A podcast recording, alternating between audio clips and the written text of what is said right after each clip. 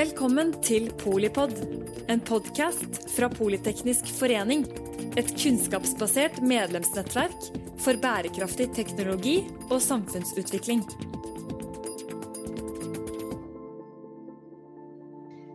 Ja, hjertelig velkommen til denne episoden av Polipod, Politeknisk forening sin podkast. Jeg er Irene Østebø Tveten, jeg er i styret i Politeknisk samferdsel. Eh, og de siste årene har jeg skrevet på en doktorgrad der jeg bl.a. Eh, studerer grønn skipsfart. Og grønn skipsfart er temaet i dag. Eh, Tittelen har jeg valgt eh, i tråd med at det snart er jul. Tre nøtter for eh, grønn skipsfart. Og så har jeg invitert tre nøtteknekkere, tre eksperter på sine felt, til å snakke om fremtidens grønne skipsfart. Norge er jo en eh, stor eh, skipsnasjon og eh, ønsker å være i front når det gjelder grønn skipsfart. Og De siste årene så har vi utvikla mange løsninger som er i bruk i dag, bl.a. naturgass. Men så gjenstår det en utfordring for de lengre distansene. Der har vi biodrivstoff som en veldig lovende løsning, men tilgangen kan bli en utfordring. Og da dreier gjerne diskusjonen seg rundt to andre lovende drivstoff. Det er hydrogen og det er ammoniakk. Og det er dagens tema. Det finnes i dag ingen store skip som går på hydrogen og ammoniakk. Men det finnes en rekke norske aktører som jobber med dette og eh, klekker ut potensielt banebrytende løsninger eh, for skipsfarten. Klarer vi å realisere dette, så kan store ting skje. Eh, og eh, i dag så har jeg invitert eh, Kjelve Svendsen til å snakke om eh, ammoniakk. Han er fysiker og forsker, og jobber som prosjektleder i Pototek. I prosjektet han leder, så jobbes det eh, med hvordan en kan bruke ammoniakk i brenselceller på skip. Eh, ammoniakk bruker vi jo allerede i bl.a. jordbruket, men det har som sagt aldri blitt eh, brukt i skipsfartssammenheng. Så hvis Svendsen og hans team klarer å knekke denne nøtta, så er det noen muligheter som åpner seg. Og Planen er at eh, skipet Viking Energy, som i dag går på naturgass og batteri, skal ombygges til ammoniakk og være operativ i 2024. Eh, og da vil jeg spørre deg først, Kjalve, hva er det aller mest spennende med å jobbe med dette prosjektet her?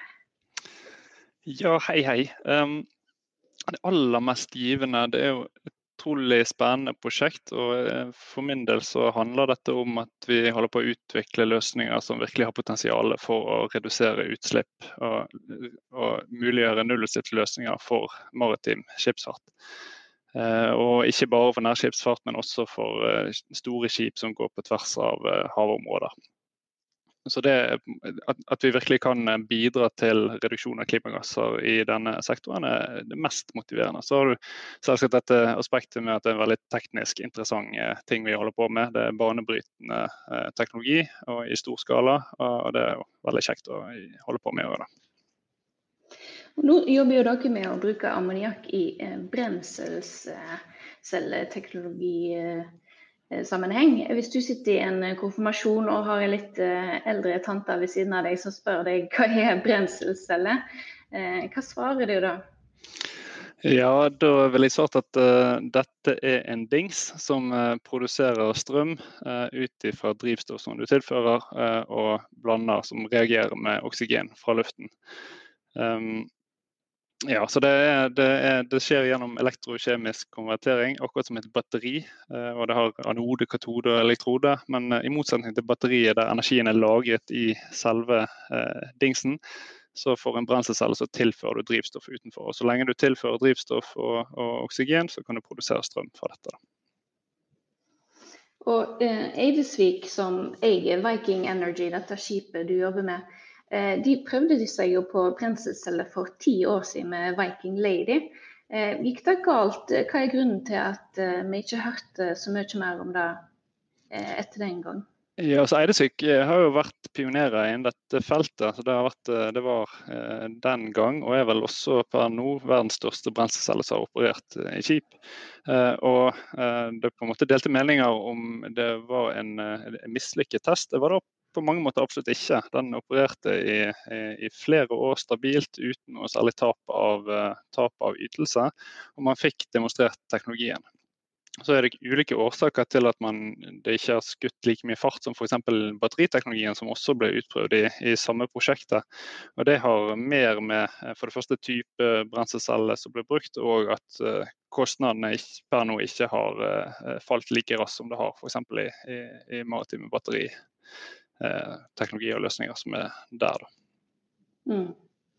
Eh, Brenselscelle er jo noe vi ofte hører snakk om i forbindelse med hydrogen. Eh, hvor beslekta er hydrogen og ammoniakk? Ja, Det er veldig beslektet. Jeg ser egentlig på det som, eh, som en og samme ting. Eh, ammoniakk, som da tre hydrogenatomer bundet til ett nitrogenatom, er egentlig bare en måte å bære med seg hydrogen på. En måte å lagre hydrogen på. Og jeg, jeg sammenligner det litt med altså du må, du må, gjøre noe med hydrogenet for å få det med på skip. Enten du trykker det opp til høye trykk, eller gjør det flytende, eller da binder det til, til andre, andre atomer. Og faktisk er det jo sånn at Ved å binde det til nitrogen, så får du plass til mer hydrogen per volumenhet enn, om du, enn til og med om du gjør det flytende. Eh, så har det sine fordeler og ulemper, eh, og, og jeg tror det er behov for, eh, for de forskjellige løsningene om man skal nå målet om nullutslipp i maritim over hele fjøla. Betyr det at systemet dere bruk utvikler, kan brukes til hydrogen på lik linje med ammoniakk? Ja, det kan det. Men så er det sånn at De brenselcellene som vi utvikler, de er, eh, de er, ganske forskjellige fra de typer brenselcellene som brukes når du har rent hydrogen tilgjengelig. Eh, vi eh, utvikler såkalte høytemperaturbrenselsceller, eller fastoksidbrenselsceller, solid oxide fuel cells. Og Fordelen med de er at de opererer på høy temperatur, sånn at du, du genererer overskuddsvarme kan du bruke til å hente ut hydrogenet fra, fra ammoniakken. Og så bruker du hydrogenet til å produsere strøm. Um, men om du har hydrogen tilgjengelig allerede, så er det vesentlige fordeler med lavtemperatur, eller det som heter PEM-teknologi. De er mindre, de er mer fleksible, og per i dag så er de vesentlig billigere. For det er den teknologien som brukes f.eks. i hydrogenbiler uh, per i dag. Da. Så Det kommer litt an på hvilken skipstype det er, uh, hvor langt den skal seile uh, osv. Men her tror jeg det blir en kombinasjon av ulike teknologier og løsninger, sånn at man i sum erstatter eh, fossildrevne motorer. Eh, nå har jeg forstått det sånn at Ammoniakk er et flytende brennstoff. Hvorfor kan en ikke bare bruke det rett i vanlige forbrenningsmotorer, istedenfor at man må gå den eh, tilsynelatende omveien? Jo da, det, det, det, er mange som jobber med dette. Eh, og nå bl.a. Eh, Wärtsilä og, og, MAN jobber med å utvikle ammoniakkdrevne eh, motorteknologier. Og bl.a. DVGL har veldig stor tro på at det kommer til å, til å utgjøre en veldig stor del av den maritime eh, skipsfarten eh, fremover. Så er det opp til oss å på en måte demonstrere at fordelene ved høytemperaturbrenselsceller eh, på ammoniakk er Eh, er gode nok til at man ønsker å, å bruke dette istedenfor motorer. Og Da er det spesielt viktig med at virkningsgraden er betydelig høyere enn det man eh, får ved motorer. Altså Vi har typisk 60% og gjerne høyere enn det, som vi kan, som vi kan få til her. Som gjør da at operasjonelle kostnadene eh, kan bli lavere. Og Så har man andre fordeler også. Det, det er enklere i alle fall å få til nullutslipp, altså ikke noen produksjon av NOx i eksosen. Eh, og så er det ting med motorteknologien også, som må utvikles. Eh, det er bl.a. lave flammehastigheter som gjør at man, man, krever noe annet pilotfuel for å sette i gang forbrenningen. og sånt. Men det er utvilsomt så vil dette komme også for motorer. og jeg tenker at Det er en positiv ting også for brenselutviklingen. Det viktigste er tross alt å, å utvikle verdikjedene for drivstoffene. Der, det, det er der det største utviklingsbehovet ligger. Dere jobber jo med å utforske dette i laboratorier eh, her på, på Vestlandet. Eh, hva er resultatene så langt, og hva har vært de praktiske utfordringene, selv om dette i teorien skal kunne gå? Ja, vi har jo, altså I dette Ship FC-prosjektet, som, som, det heter, hvor vi jobber mot å demonstrere dette på Viking Energy, og også ser på uh, videre oppskaleringer uh, til an, andre typer skip, så jobber vi mye med å, å designe løsninger, jobbe med sikkerhetsaspektet og, og fram mot en sertifisering av brenselløsningene, sånn at de kan installeres på skip. Parallelt med dette så har vi utviklingsprosjekt, eh, bl.a. finansiert av eh, Innovasjon Norge, eh, hvor vi i første omgang tester enkeltstekker på, direkte på ammoniakk. Dette gjør vi på labene våre på Fantoft.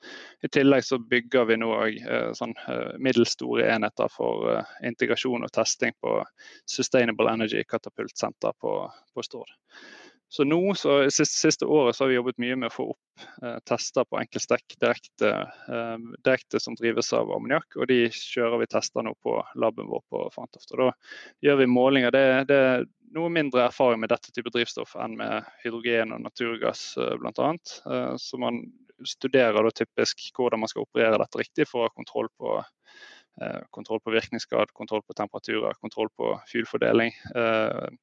Samtidig som man da må ta inn over seg de egenskapene som ammoniakk har. Det er korrosivt bl.a. som man må, må, tenke litt på når man velger materialer i systemet. Ja, for En hører jo stadig om at ammoniakk er så giftig. Hva er sikkerhetsrisikoen rundt bruk av ammoniakk? Det er helt riktig. Det, det, den store greien med ammoniakk er jo at i små konsentrasjoner så er det giftig for mennesker. Det lukter jo også veldig sterkt, som gjerne eh, folk kjenner til. Eh, og det, det, er på en måte det, det farligste med ammoniakk, hvis, hvis, man kan si det sånn. Så det er ekstremt viktig når man da lager systemene om bord på skip, at man, man, hindrer muligheten for at ammoniakk kan lekke ut der så folk er til stede. Det er ikke like eksplosivt eh, som andre typer drivstoff, som, som hydrogen bl.a. Eh, så sånn så får du litt andre, andre hensyn å ta der, selv om du selvfølgelig må ta, ta hensyn til dette òg når man designer systemene. Men det, det, er stort fokus på det. Så hvis dere lykkes med dette prosjektet, her, hvor stort er potensialet? Jeg tror det er veldig stort. Eh, det er som jeg sa litt i sted, sånn generelt sett utvikling av nullutslippsløsninger til maritimt skipsfart. Eh, den største utfordringen er å få tilgjengelig drivstoff og tilgjengelig til en lav nok kostnad. Eh, og Der har ammoniakk sine fortrinn ved at ammoniakk er en vare som produseres rundt omkring i verden i dag. Det transporteres på skip. Eh, man har det tilgjengelig. Så det er selvfølgelig en utvikling som må skje der òg, med å kunne fylle det og bruke det som drivstoff på skip. Og også at det må tilbake igjen til grønn produksjon av drivstoff her. Men, men i og med at jeg har en relativt høy energitetthet, så tror jeg virkelig at jeg har potensial til å ta, uh, ta, en god del av særlig det store skip og deep sea shipping-segmentet. Uh, så, så, vi har veldig stor tro på det.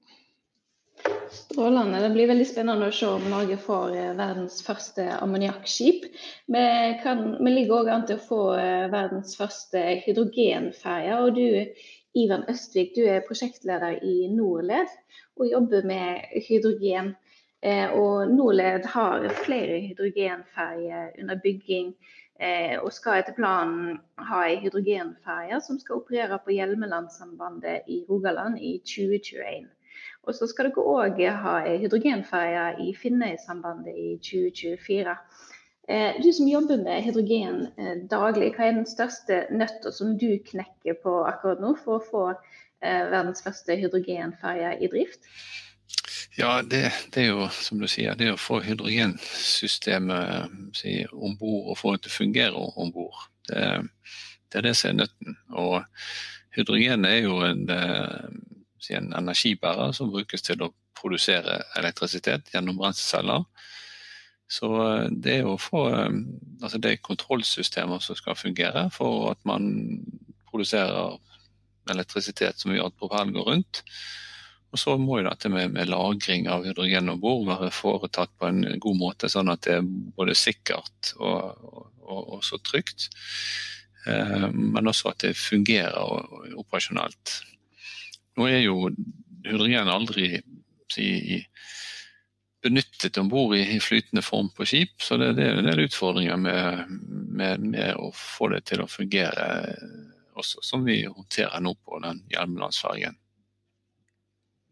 Kan du si noe mer om de utfordringene, eller er det forretningshemmeligheter? Ja. ja, nei, altså, jeg tror alle de som begynte å studere hydrogen litt på, på rederier og skipsdesignere, ser nå det ganske fort. Vi har jo lang og god erfaring med LNG-drevne skip i Norge, så det er ikke så veldig mange nyheter og hemmeligheter utover det i grunnen.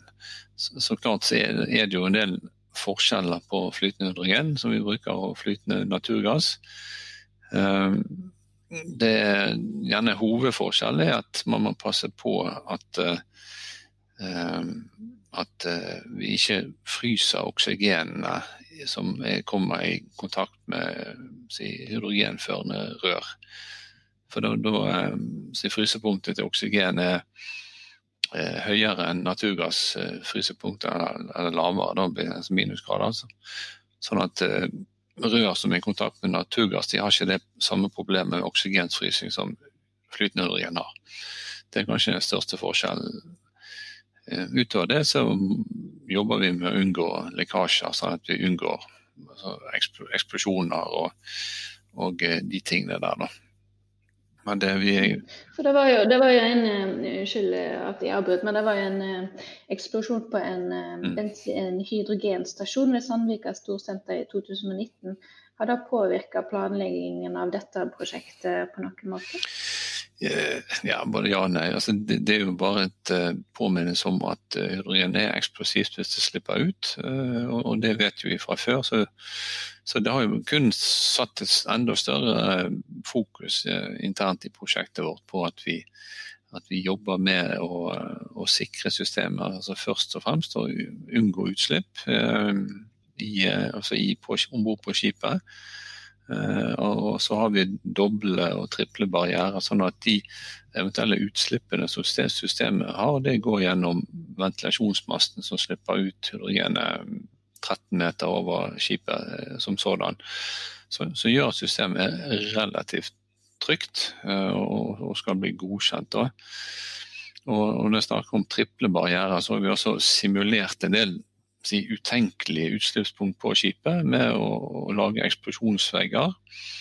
Eh, og at de tåler de si, mulige potensielle utslipp som vi kan få. Da.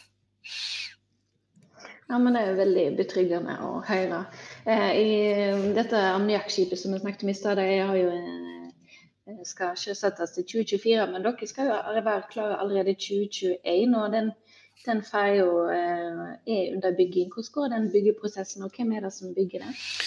Nei, Selve fergen bygges av Westcon i, i, i Ølen. Eh, vi er vant til norsk verft og, og får god kvalitet. og og er en veldig god samarbeidspartner med oss. Eh, så, så byggeprosessen på, på, selve fergen går fint. og Den eh, kommer til å være klar i, i løpet av sommeren til si, batteridrift. Og så er planen å sette hydrogenanlegget på da, til høsten og få det i drift til høsten eh, neste år.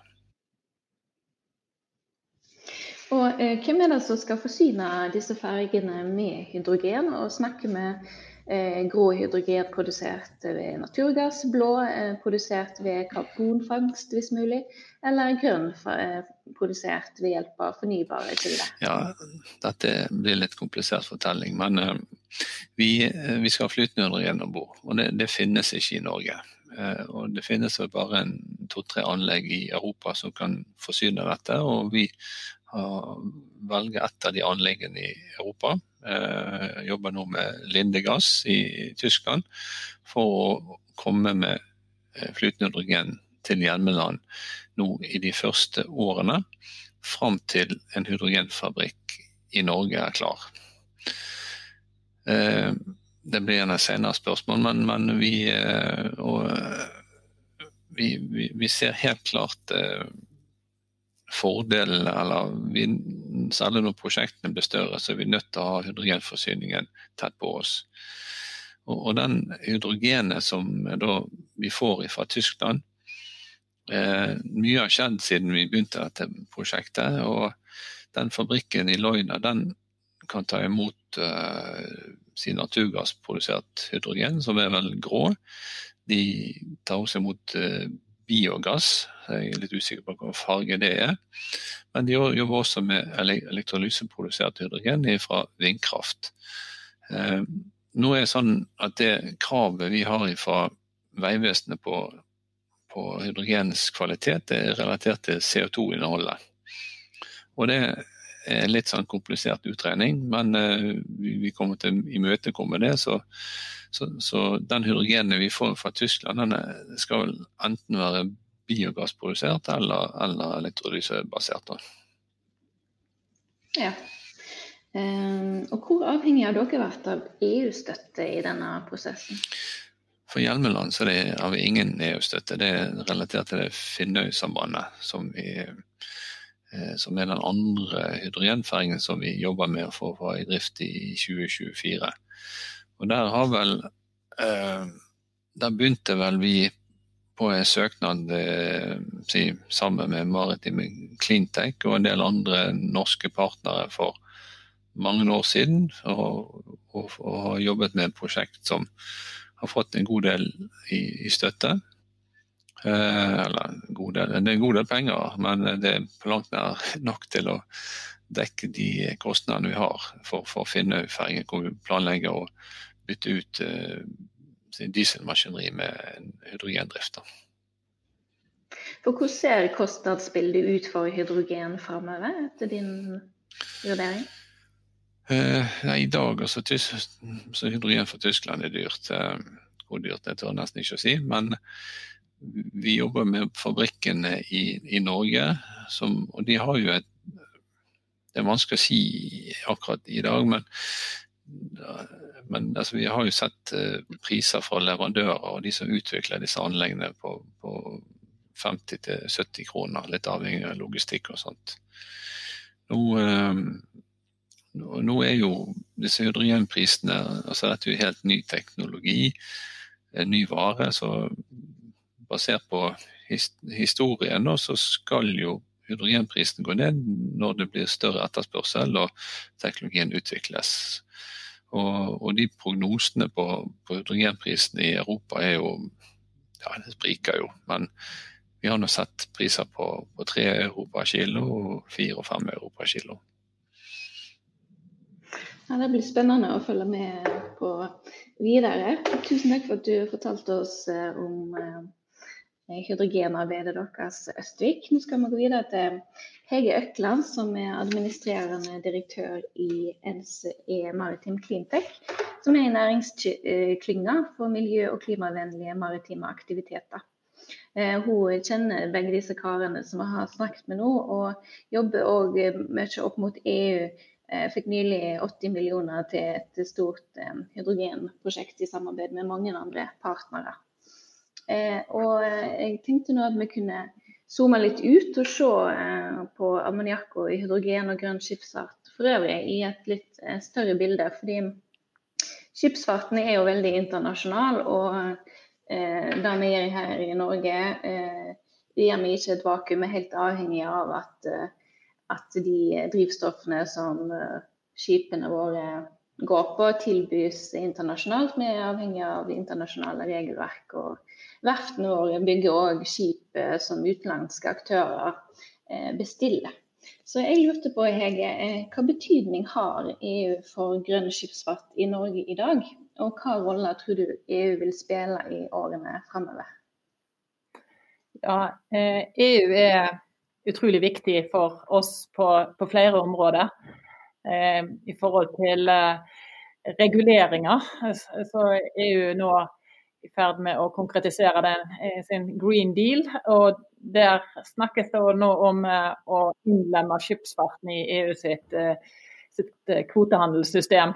Og Det er jo klart noe som er, vil være ganske radikalt i forhold til som du sier, at skipsfarten er global. og det er jo FNs sjøfartsorganisasjon IMO som regulerer skipsfarten når det kommer til, til utslipp og sikkerhetskrav eh, osv. Eh, og den bygger jo på et konsensusprinsipp mellom alle, alle land i verden, eller alle skipsfartsnasjonene. Så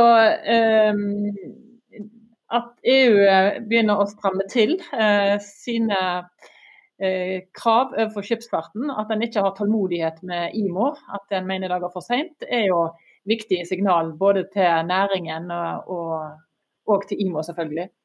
Så det er sånn sett er, er, er viktig for oss. Og så, så det er òg viktig fordi at eh, de har store eh, eh, forskningsprogram. Eh, og eh, det neste programmet, som heter Horisont Europa, ble jo lansert, ble lansert nå i høst og trer i kraft fra nyttår. Og Det er jo det niende rammeprogrammet med 94 milliarder euro.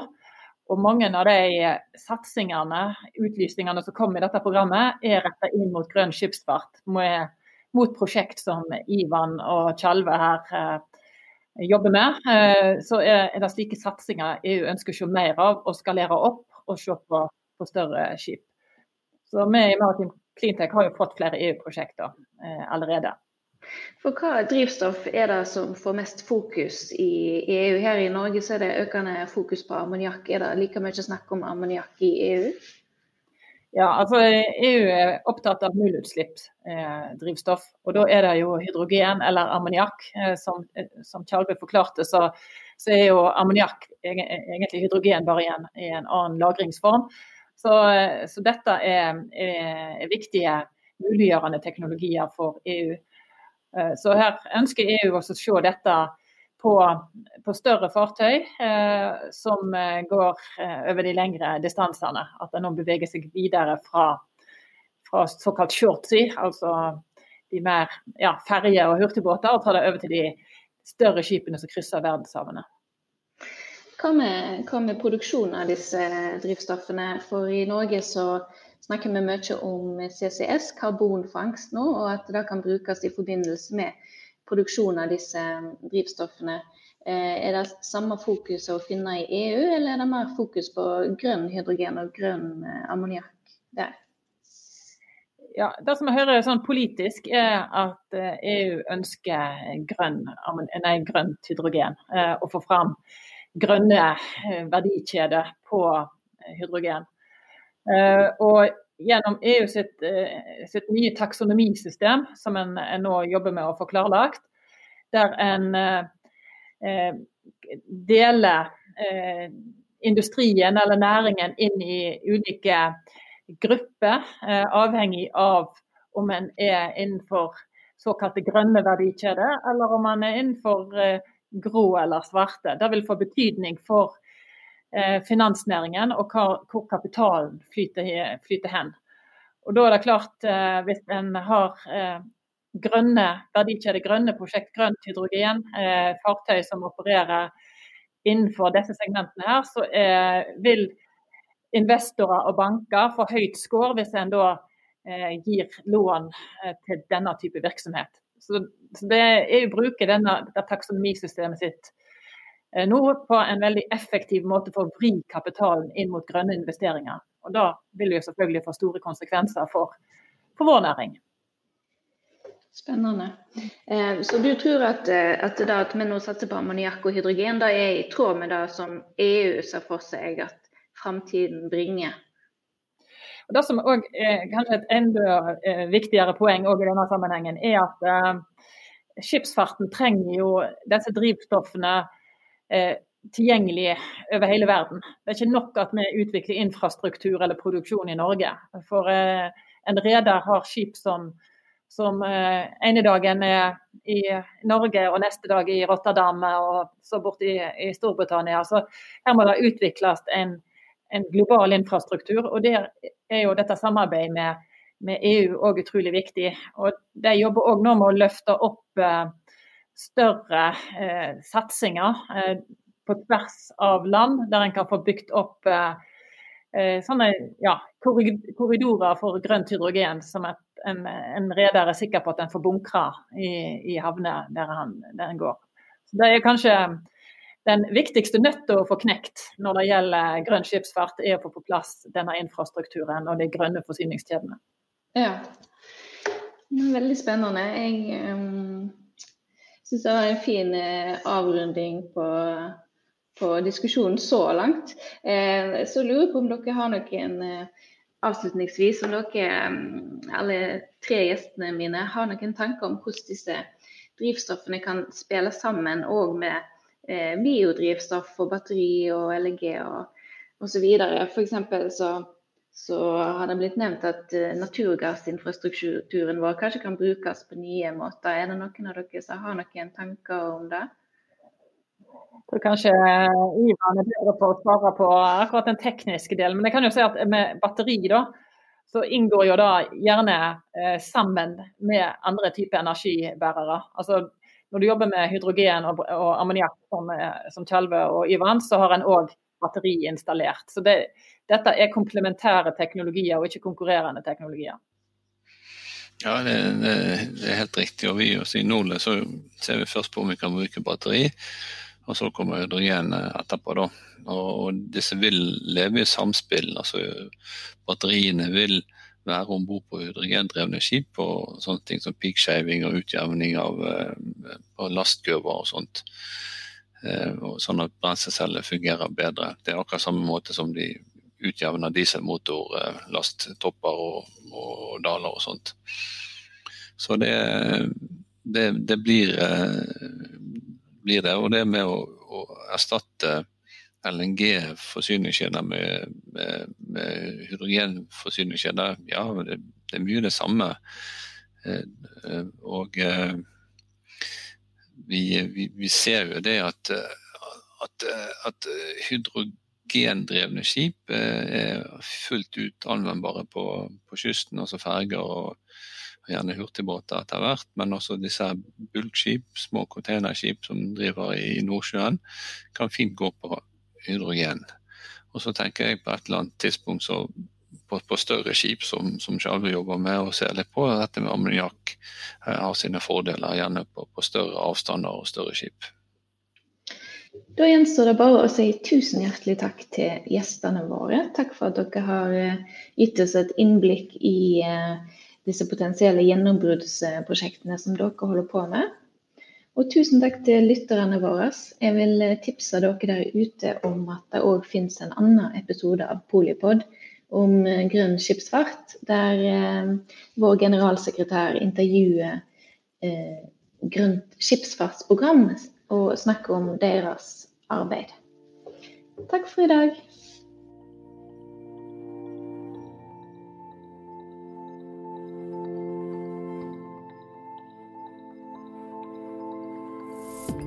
Takk for at du lyttet til Polipod fra Politeknisk forening.